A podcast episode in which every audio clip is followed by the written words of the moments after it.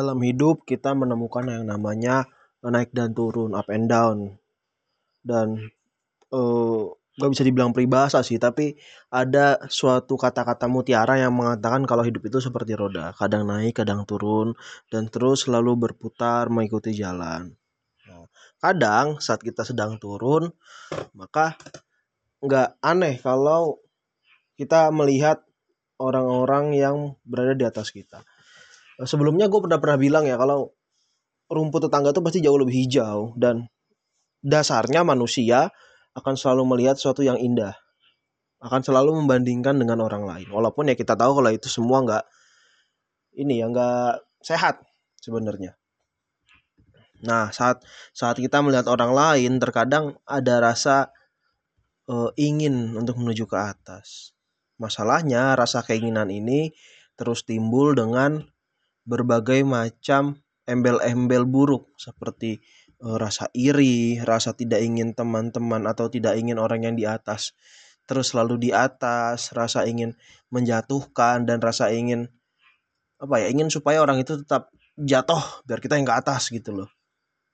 Nah, rasa itu dan sifat sikap seperti itu, mental itu itu yang disebut uh, crab mentality atau mentalitas kepiting. Nah, yang gue omongin di sini mentalitas kepiting itu apa sih? Nah, gue baca beberapa sumber dan eh, kalau dokter menjadi sumber yang luar biasa gitu ya karena bekerjasama dengan Kementerian Kesehatan Republik Indonesia eh, dari Alo Dokter mengatakan kalau istilah crab mentality menggambarkan sifat yang dianalogikan sebagai sifat kepiting ketika sedang penuh sesak dalam sebuah ember. Jadi crab mentality itu menggambarkan kayak lu ngambil banyak kepiting gitu kan, ngambil kepiting terus taruh dalam satu ember nyampe kepitingnya banyak gitu loh. Jika salah satu dari kepiting tersebut berhasil naik dan akan keluar dari ember, maka kepiting lain itu mencapit dan menarik kepiting tersebut agar kembali masuk ke dalam ember. Nah, sebenarnya kalau perilaku pada kepiting ini itu dikatakan sebagai bentuk solidaritas karena e, kepiting yang di bawah atau yang berada di bawah gitu ya tidak ingin temannya keluar ember dan mati dimakan pemangsa. Jadi kayak e, e, apa ya defense system dari kepiting-kepiting gitu loh. Tapi kalau diimplementasikan ke Indonesia eh, manusia ke Indonesia lagi ke manusia, hal ini lebih dimaknai sebagai sikap egois atau iri hati terhadap pencapaian orang lain yang membuat seorang yang membuat seseorang mencoba menarik temannya jatuh agar tidak meraih kesuksesan. Digambarkan seperti itu. Nah, kenapa menarik buat gue bahas malam ini? Dan mungkin uh, ini adalah uh, podcast terakhir di tahun 2021 sehingga uh, nanti akan gue sambungan ke situ gitu. Dan gue minta maaf kalau kalau episode sebelumnya terlalu panjang ya 30 30 menit. Gue harap ya teman-teman yang mendengarkan bersabar dan terus mendengarkan. Gue bakal bawa beberapa tokoh yang jarang dikemukakan di Indonesia gitu ya mudah-mudahan aja bisa kejadian ya ini adalah episode terakhir di 2021 dan uh, selamat besok kita akan menuju kepada 2022 jadi uh, keep tight dan selalu berusaha maju ke depan. Nah hubungan sama crab mentality apa? Crab mentality itu kan apa ya sifat nggak pengen orang lain maju. Nah crab mentality ini itu apa ya sangat-sangat e, menunda keberhasilan seseorang. Bukan hanya orang yang berada di atas, tapi tanpa disadari orang yang memiliki mentalitas yang sama. Kenapa? Karena uh, pola pikir orang yang memiliki crab mentality ini umumnya nggak sehat. Contohnya jika aku tidak bisa mendapatkan apa yang aku mau, maka kamu juga tidak boleh.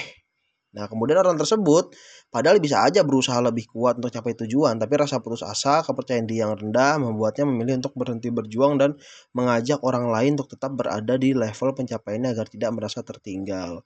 Jadi kadang-kadang orang uh, jadi mentalitas orang yang crab mentality ini uh, alih-alih dia melihat uh, orang lain maju terus dia maju dia lebih memilih untuk menarik orang lain yang maju tadi buat turun dan menarik orang-orang yang mau maju supaya turun bareng-bareng sama dia jadi uh, mereka pada level ground yang sama. Nah kadang juga crab mentality bisa disebabkan karena ketergantungan seseorang terhadap hidup berkelompok. Kepergian salah satu anggota kelompok membuat kelompok tersebut jadi sulit berkembang. Kayak eh, kalau lu punya teman gitu kan biasanya ya lu punya teman kemudian lu bar jalan bareng-bareng tiba-tiba satu teman itu oh, maju sendiri. Nah, kadang-kadang timbul dari situ. Orang-orang yang lain yang nggak maju tuh merasa kayak kita tuh bareng kenapa lu kenapa lu maju sendirian nggak ngajak gue nggak bareng gue gitu. Nah ini yang jadi masalah lebih besar lagi.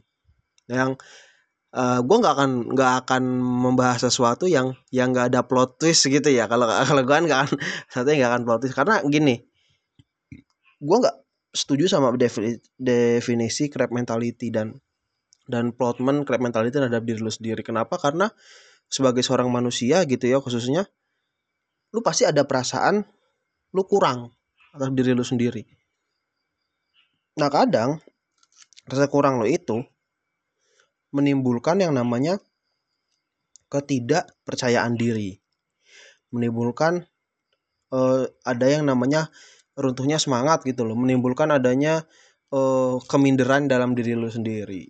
Dan dan yang enggak enggak salah juga kalau tiba-tiba atau kalau terbesit dalam pikiran lo sedikit gitu ya terus gitu kalau lu nggak pengen orang lain maju apalagi kalau lu ngelihat musuh lu maju Nah, apakah yang seperti itu bisa dikatakan killer mentality? Dan mohon maaf ya, semua kejadian atau semua eh, penggambaran mentalitas yang buruk, semua kondisi-kondisi sosial mental, kondisi psikis yang buruk itu selalu didiagnosa pribadi oleh masyarakat Indonesia. Sehingga yang harusnya didiagnosa oleh seorang psikiater gitu kan, mereka enggak mulai e, mendiagnosa diri sendiri mungkin baik kalau misalnya ya contoh lu sedih lu mendiagnosa diri lu sendiri dengan depresi jadi lu bisa ke psikiater busuknya kalau lu sedih lu mendiagnosa diri lu sendiri kemudian lu melakukan self treatment terhadap diri lu sendiri atau lebih konyol lagi lu mendiagnosa diri lu karena cuma karena uh, misalnya lu merasa moody lu mendiagnosa diri lu sendiri dengan contoh misalnya uh, schizophrenic. Kemudian lu blabbering schizophrenic lu sama orang-orang gue schizophrenic nih gue begini gue begini dan lain sebagainya tanpa uh, mencari pengobatan uh, para ahli nah crime mentality juga sama. Kadang eh, nggak kadang sih ya banyak orang yang mendiagnosa diri sendiri memiliki suatu crab mentality. Bagus kalau lu mendiagnosa diri lu sendiri. Kenapa? Karena banyak web dan banyak layanan-layanan kesehatan yang yang memberikan suatu apa ya lebih tepatnya memberikan suatu pencerahan kepada lu memberikan tanda-tanda crab mentality supaya lu bisa self diagnosa kemudian lu bisa e, merubah diri lu sendiri. Tapi busuknya masyarakat e, plus 62 ini adalah kebanyakan men self diagnosa atau mendiagnosa hal hal-hal seperti ini untuk menjatuhkan orang lain. Kayak gua kayak gini ya gua nggak gue nggak akan mengatakan tidak tapi akan ada orang dan pastinya ada orang yang uh, melihat artikel tentang crab mentality kemudian dia baca ciri-cirinya dan bagaimana mendiagnosanya. Yang dia lakukan bukan refleks atau bukan ngaca ke diri dia sendiri apakah ini mentalitas gue tapi dia mengingat orang-orang di sekelilingnya dan oh iya si A itu punya crab mentality tuh si B ternyata juga punya tuh bahaya tuh si C juga punya tuh, tuh sangat bahaya banget. Kemudian alih-alih ya, alih-alih dia uh, mencari tahu bagaimana cara menyembuhkan dan menjadikan itu suatu hal yang sifatnya personal, dia menyebarkan kepada orang lain. Ser, sehingga orang-orang yang menurut dia memiliki crab mentality itu jatuh. Pertanyaannya, apakah seperti itu bukan crab mentality namanya? Dan e, pribadi gitu ya, saat lo men-self diagnosa crab mentality buat diri lo sendiri uh, kadang kadang ada ada ada satu pertanyaan yang mengganjal apakah gua memiliki mentalitas kepiting ini? Atau crab mentality ini. Dan uh, ketakutan orang adalah saat menemukan ciri-cirinya sebagian ciri-cirinya kemudian e, merasa kalau itu dirinya padahal nggak seutuhnya. Kayak misalnya gini oh dari sini juga ada ciri-ciri mentality atau ciri-ciri mentalitas kepiting dilansir dari aladokter.com. Eh, Aladokter itu mengatakan kalau uh, rasa percaya diri yang rendah, iri hati, rasa putus asa dan depresi itu menumbuhkan sifat crab mentality. Masalahnya nih, masalahnya ya, nggak semua hal itu berarti lu punya crab mentality. Capek, ya, capek sama hidup itu bukan berarti lu kena negative mentality karena banyak orang yang berjuang terhadap hidupnya ada yang skripsi sampai sekarang uh, gagal ada yang bekerja sampai sekarang tidak berhasil uh, selalu stok pada pekerjaan yang sama yang dia benci membuat naskah uh, lebih banyak ditolak daripada diterima uh, diludahin di setiap pekerjaannya diberikan mood buruk oleh supervisornya dikatakan nah, kamu nggak cocok ini nggak cocok itu dan lain sebagainya. Buat gue pribadi nih buat pencerahan gue pribadi ya gue kadang juga masih berpikir kalau uh, gue kurang dan seingat gue orang menerima gue itu lebih sedikit daripada orang menolak uh, daripada orang menolak gue hidup gue tuh penuh dengan penolakan. Dan bukan berarti gue tidak bersyukur atas orang yang menerima gue enggak. Uh, keluarga gue sangat baik terhadap gue teman-teman gue sangat sangat luar biasa sportif tapi tetap penolakan itu selalu ada dari uh, setiap aspek dalam kehidupan gue dan pasti kehidupan lu semua ya setiap orang punya masalah lah maksud gue gitu. Dan masalah itu selalu membawa lu menarik lu ke rasa percaya diri yang rendah. Ke mungkin lu iri. Ya sedikit atau sebesit aja gitu kan. Bilang lu bisa bilang gua nggak iri. Enggak semua orang pasti ada irinya. Masalahnya pilihan lu lu mau ikut ke rasa itu atau lu cuma mikir terus enggak gua nggak iri. Mensugesti diri lu sendiri untuk tidak iri. Atau rasa putus asa kayak yang sekarang uh, banyak orang pelaksanaan termasuk gua gitu ya. Ada ada rasa putus asa terhadap hal yang yang lu kerjakan mungkin. Lu nggak boleh putus asa. Iya memang kita nggak boleh makanya kita bekerja. Tapi rasa putus asa itu bukan pilihan tapi timbul karena banyak kegagalan. Sama kayak gua tadi lu lebih milih e, mengikuti rasa itu atau mensugesti diri lu untuk lu tidak putus asa dan depresi lebih parah. Karena banyak orang yang merasa atau memiliki trait-trait seperti ini gitu ya mereka bukan crab mentality mereka cuma capek sama semua penolakan yang ada di hidupnya tuh kan ditambah ada lagi nih ada lagi trait yang mengatakan kalau uh, yang terakhir juga uh, crab mentality juga ditimbulkan dari simpat kompetitif yang berlebihan. Kayak oke, okay, kompetitif itu bagus, tapi berlebihan juga nggak baik. Pertanyaan gue adalah seandainya lu bersemangat dalam pekerjaan lu, uh, lu mengambil semua uh, apa ya lebih tepatnya side job hasil-hasil lu ambil semua. Karena simpelnya dalam diri lu merasa gue punya waktu, gue butuh uang. Kemudian setiap side job yang ada di kerjaan lu, lu ambil setiap lu bisa hasil lu ambil gitu kan. Lu kayak ya misal lu di kantor gitu kan terus lu ditawarin ini ada ini nih deadline ada deadline nih mau bantuin saya nggak? Lu bantuin dapat uang terus orang lain juga mulai lu mulai banyak ngambil banyak kerjaan dari orang-orang gitu kan. Itu bukan bukan menurut gua bukan crap mentality lu bersemangat dalam kerjaan lu.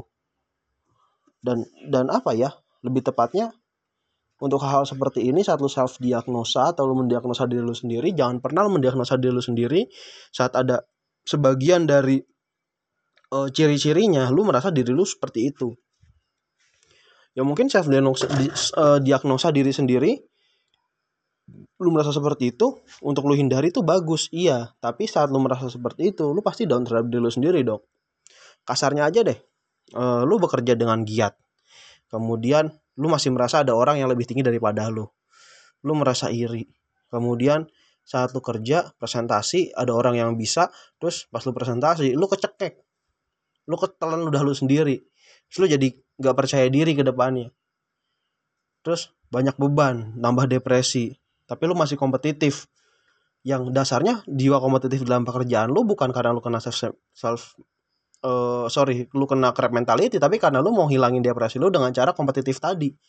Tapi begitu. Dan saat lu lihat trade seperti ini terus lu mikir oh iya gua crab mentality. Terus ya wajarnya aja lah semua orang yang merasa seperti itu yang melihat seperti itu akan down dengan sendirinya dan terlebih sama kayak kata gua tadi lu punya pilihan untuk ikut sama perasaan lu atau mensugesti diri lu sendiri kalau enggak gua enggak down dan gua enggak lain sebagainya Terus inti dari pembicaraan lu di mana, Bon? Inti pembicaraan gue tuh seperti ini.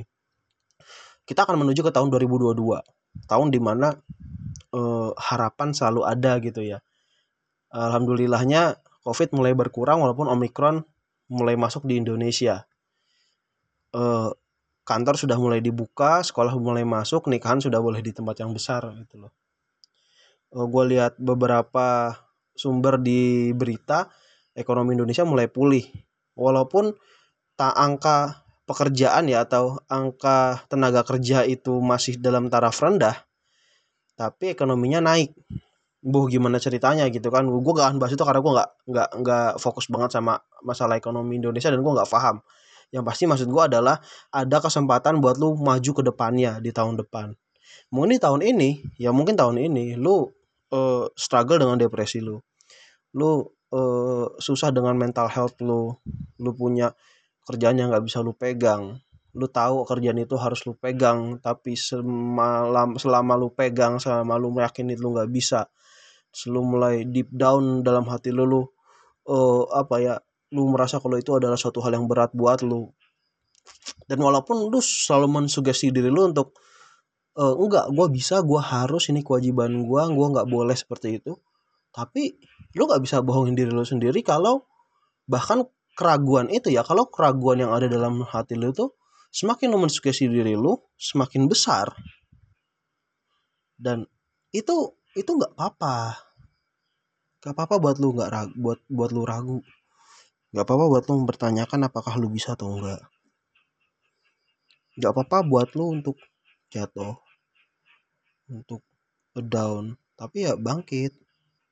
Tapi ya terus naik. Gak bisa. Susah buat bangkit. Iya gue tahu. Susah buat bangkit. Dan e, caranya adalah dengan cara lu bangun dulu. Berdiri. Berdiri diri lu sendiri lu diri diri lu sendiri. Di awal susah. Dan gue gak akan bilang setelahnya gampang. Menjaga itu jauh lebih susah lagi. Tapi masih ada kesempatan buat seperti itu. Ingat selama lu hidup selama lu nafas lu masih punya kesempatan. Dan crab mentality yang ada dalam diri lu misalnya ya. Dan mentality yang ada orang di orang-orang lain. Perasaan kalau lu pengen uh, lu mendiagnosa diri lu sendiri dan ternyata lu salah gitu kan. Lu lu hilangkan semua itu dah. Hilangkan semua semua pikiran kalau apakah apakah gue uh, memiliki crab mentality atau gue punya mentalitas kepiting atau jangan jangan seperti itu dah. Lu lu hilangkan kata-kata itu dulu buat tahun ini dan tahun depan khususnya. Kemudian uh, yakinin diri lu sendiri kalau uh, itu cuma sifat yang dideskripsikan oleh orang ya nggak tahu tentang gua. Gitu. ya gua tahu nih ini advance nggak sehat gitu ya. Tapi uh, lu hilangkan semua pikiran buruk tentang diri lu tadi dan uh, menurut Walt Disney gitu ya keep moving forward selalu banyak kegagalan yang ada dalam hidup lu dan lu harus terus maju. Uh, lucunya ya lucunya uh, gua ngambil kata-kata itu dari suatu film film Walt Disney Meet the Robinson uh, filmnya bagus banget kartun gue waktu masih kecil. Kira-kira tahun 2000 2002 pun 2000 awal lah. Tentang uh, seorang peneliti yang ke masa depan bertemu dengan keluarga di masa depan. Di masa depan dia menjadi seorang peneliti yang hebat. Kemudian uh, dia menemukan barang-barang yang bagus dan akhirnya dia terinspirasi untuk bisa meneliti gitu kan. Cuman di, di seluruh film itu yang ditampilkan di atau barang yang dia tampilkan gitu ya semuanya adalah barang-barang kegagalan semuanya. Uh, musuh utamanya adalah topi. Topinya kegagalan nih. Apa? Uh, spoiler ya. Film 2002 2000 awal spoiler. Ya, kalau belum nonton ya nonton lah nggak ada yang namanya spoiler film udah 20 tahunan. Kurang. Musuh utamanya adalah topi. Dia adalah bentuk dari kegagalan. Kemudian uh, dia bisa ke masa lalu karena iya ada mesin mesin waktu yang berhasil. Tapi melewati ratusan dari percobaan kegagalan dia memiliki keluarga juga seorang keluarga peneliti gitu kan dan semua hal yang diteliti semua hal yang dikembangkan adalah suatu bentuk kegagalan uh, sampai hal yang dia gunakan dalam rumah tangga dalam rumahnya gitu rumah di masa depan adalah hal kegagalan juga. Tapi dia terus melangkah maju. Susahnya di situ. Menciptakan sesuatu menggerakkan sesuatu garap sesuatu tuh nggak nggak susah yang susah adalah saat lu tangle up masalah depresi, saat lu gagal dan lu terus gagal dan lu terus gagal lagi dan dalam hati lu nggak bisa maju, walaupun lu udah uh, mensugesti diri lu kalau lu bisa, tapi entah kenapa nggak bisa gitu loh. Yang susah tuh bukan garapnya, susah tuh itunya. Dan gue tahu oh gue gua denger lu semua gue denger gitu ya gue gua ngomong sama lu saat ini yang dengerin gue gue tahu rasa susah itu gue gue paham bagaimana susahnya itu. Bagaimana kau uh, dengan depresi lu bagaimana bagaimana lu terjatuh bagaimana lu melihat sekeliling lu tuh semua orang maju tapi gue tetap stuck. Dan gue mau maju gue berusaha maju. Tapi seakan-akan ada force yang nahan gue buat gue nggak maju buat gue nggak nggak meraih itu. Tuh loh. Dan iya nggak ada yang paham serius kalau kalau lu punya temen yang yang lu anggap kenapa sih dia nggak maju-maju nggak garap nggak ini kerjanya nggak bener cuma males-malesan doang gimana mau sukses lu jangan lihat dari situnya lu lihat masalahnya dia apa Masalah dia gampang kok, dia cuma malas kerja. Malas kerja bukan masalah. Hal yang menyebabkan dia malas kerja itu apa? Itu masalahnya. Kalau kalau lu pernah lihat seseorang yang sangat termotivasi, orang yang carefree, orang yang memiliki uh, kehebatan yang luar biasa, yang lu merasa kalau yang bahkan ya, bahkan lu merasa kalau lu melihat ke dia waktu dulu, tapi saat sekarang dia terpuruk, dia mungkin kerjanya nggak lebih baik dari lo dia mungkin hidupnya nggak lebih baik dari lo dia mungkin berada pada tahap di mana lu sudah lewatin dengan mudah tapi dia nggak bisa bisa yang lu yang lu expect dia bisa lewat dan dan lu lihat itu masalahnya selalu ada hubungannya dengan masalah mental selalu. Selalu ada hubungan dengan masalah masalah cope hidupannya dia tuh pasti. Gue punya teman yang yang dia uh, sangat luar biasa hebat. Teman masa kecil gue gitu childhood friend gue yang uh, dia adalah seorang pemimpin yang luar biasa tangguh. Saat gue mulai kuliah dia tidak memilih kuliah untuk bekerja dia simple dia cuma di pasar.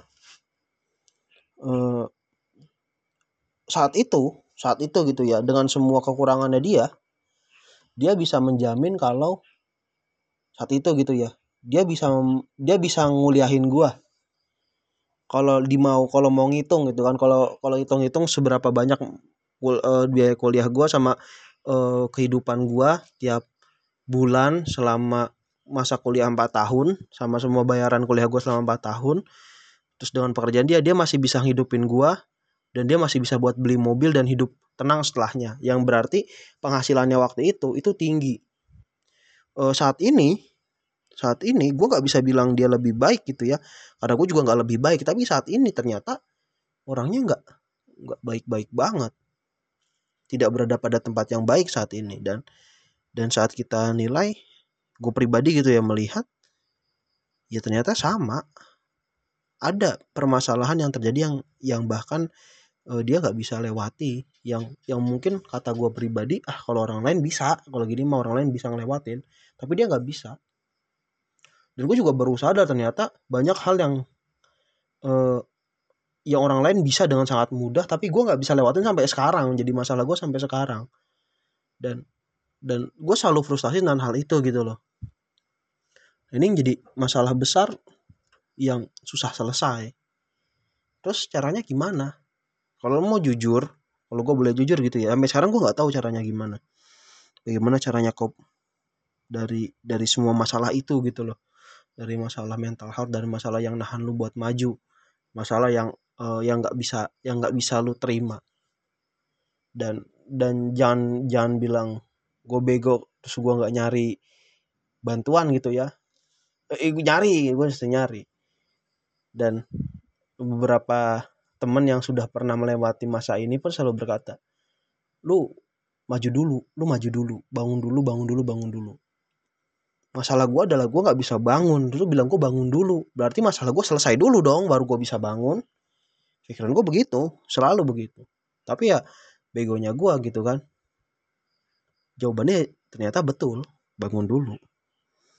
Lo harus bangun dulu supaya lo bisa nyelesain masalah lo masalah bangun. Lo berdiri dulu. Lakuin dulu. Salah lagi gimana? Ya lakuin dulu lah.